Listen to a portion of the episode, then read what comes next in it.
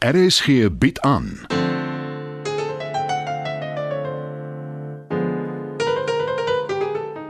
Die Lingervelders deur Marie Snyman.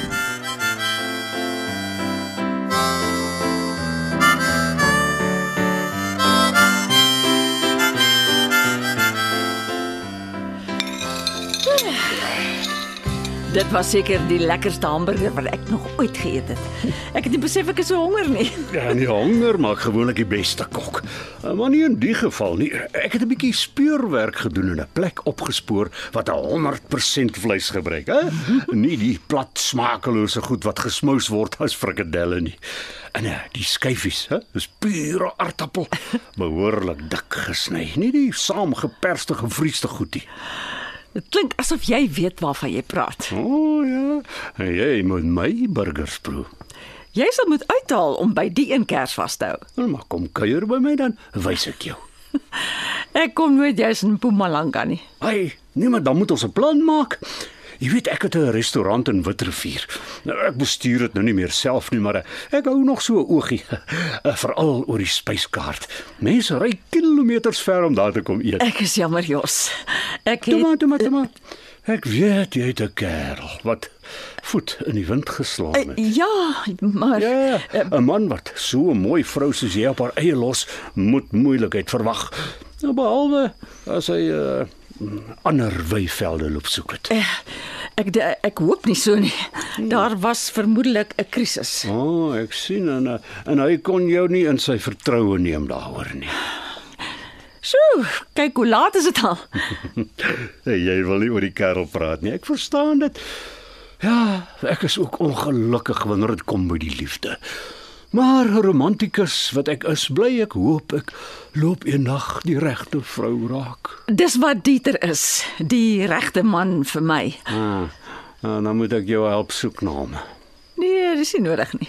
Eh, Jy het dit dalk nog nie agtergekom nie. Maar ou Jos se voelers is oral. En as dit jou gelukkig maak, Asseblief nie. Om eerlik te wees, Jos, ek weet nie of hy wil terugkom nie. Chris dink hy het iets te doen met wat langsaan gebeur het. Hmm. Ja, nee, hy ken nie die man soos jy hom ken nie, Alvera. Net jy sal weet.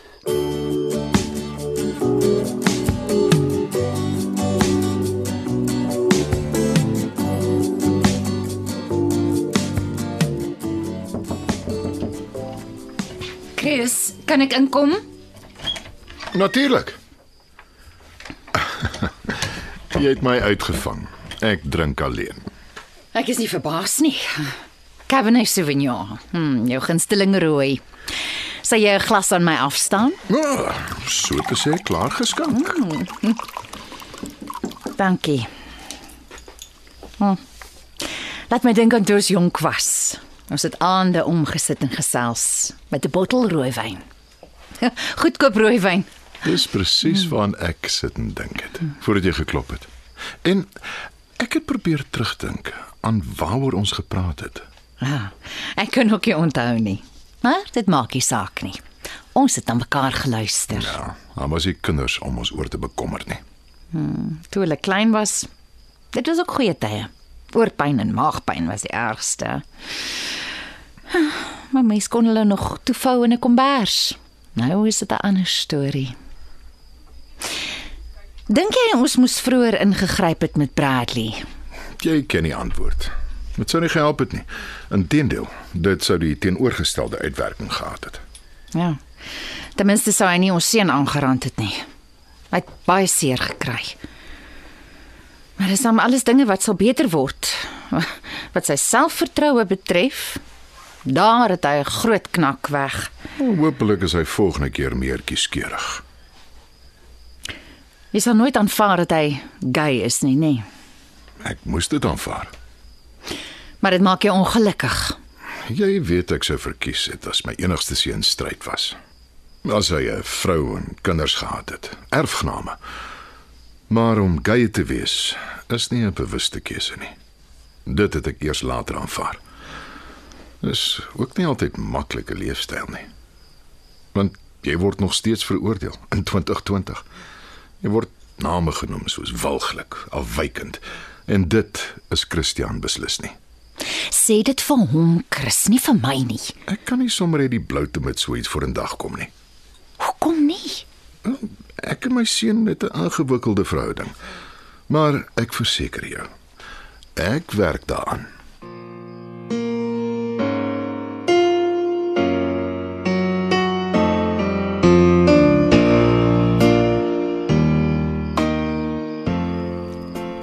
Ek wil nie ongeskik wees en jou wegjaag nie, Jos, maar ek moet môre vroeg opstaan. O, oh, ek moes seker lankal my ry gekry het, jammer.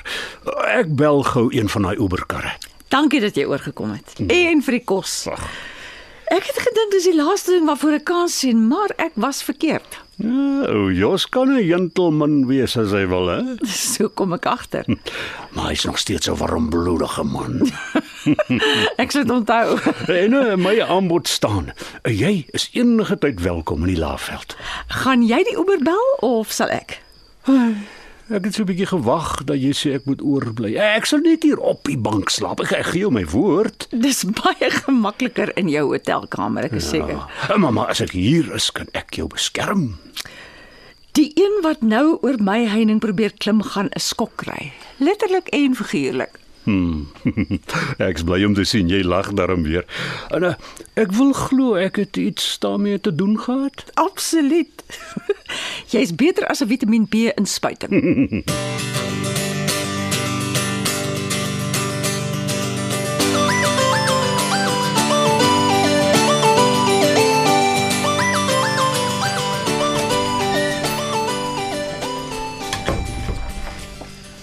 Danny, hoekom sit jy hier in die donker? Ek kyk na 'n skildery moeder. En dit is nie heeltemal donker nie, die buiteligte skyn in. Hoekom doen jy dit aan jouself? Wil jy nagmerries hê?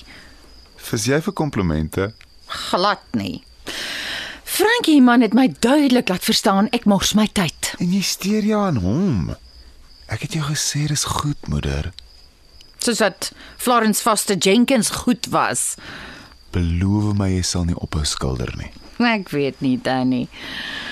Wel, dan kom sit ek hier langs jou en ons werk saam. Ah, dit sal mos nou nooit werk nie.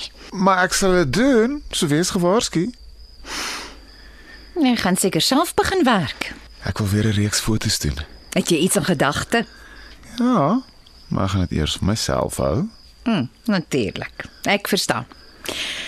Solank jy Wat met Bradley gebeur het, dit gaan my nie onderkry nie. Ek was simpel om vir hom te val. Maar dit sal nie weer gebeur nie. Ek wou sê solank jy nie ophou glo daar is iemand vir jou nie. Nee, wat? Daai ou skipie het nou maar geseil. Ver weg oor die horison verdwyn. En as die aarde plat was, aan die ander kant afgeval. Jy is te jonk om sinies te wees. Maar te oud om goedgelowig te wees.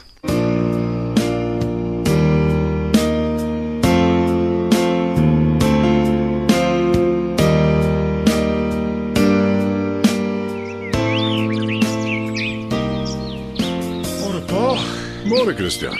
Ja, moet jy nie by die werk wees nie. Dit is nog vroeg.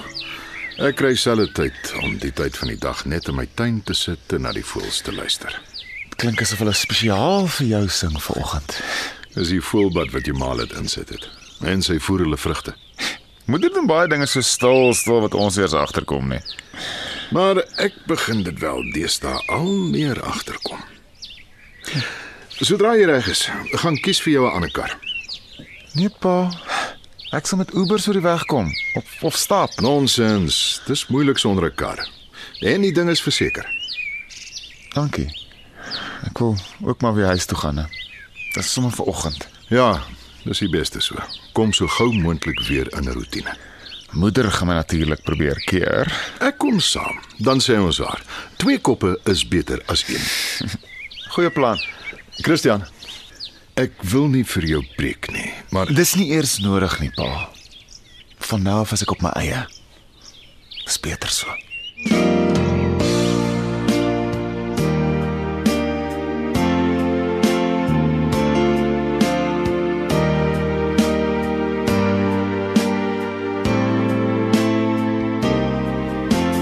Ek kan nie dat jy vir die heining betaal nie, Chris. die maatskappy betaal en net indirek. Hoe jy dit ook al plooi, jy verloor geld. Ek is jammer. Daar moet ek saam met Jos stem.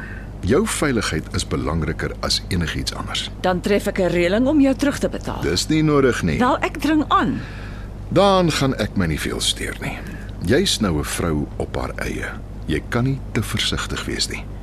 Probeer jy sê ek is 'n maklike prooi? Nee, glad nie. Jy kan net sowel. Jos was gisterand by my. O, Jy hoef nie so bekommerd te lyk nie. Hy het hom perfek gedra. Ek was eers skepties, maar ek moet erken hy het my opgeweer. nou, dis goeie nuus. Dag sê, dag sê. Ooh, waar kry jy soveel mooi meisies om vir jou te werk, Chris? Jy soek hulle natuurlik spesiaal uit, hè?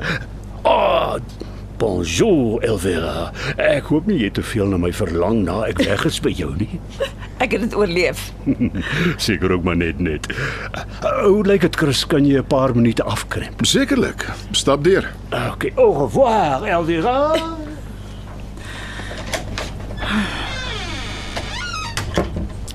Vrou alleen.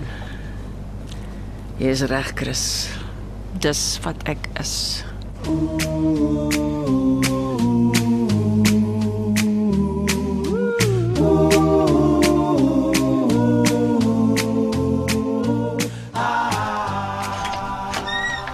Els het my gehelp om al my goed in jou kar te sit, moeder.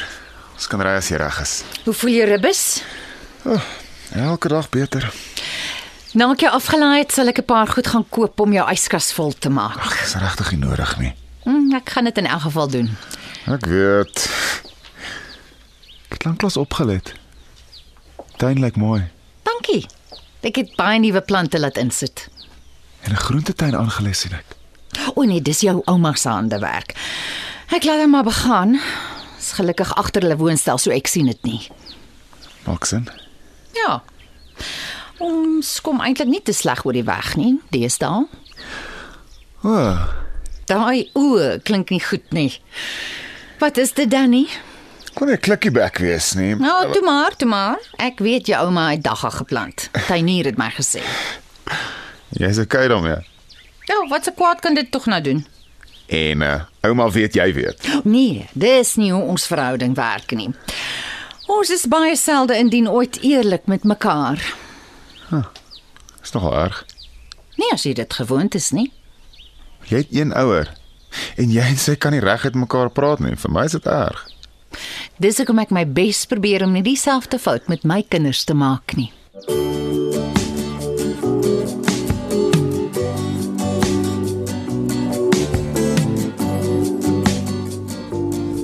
Dit begin lyk asof jy nie van plan is om ooit terug te gaan in Mpumalanga toe nie.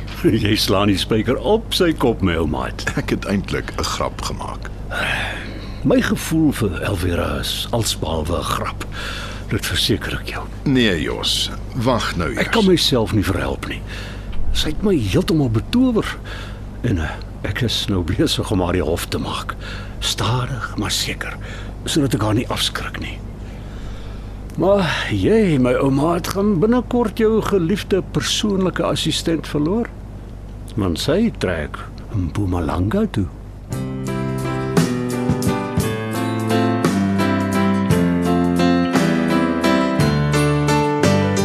Dit was nog 'n episode van Die Lingervelders deur Marie Snyman.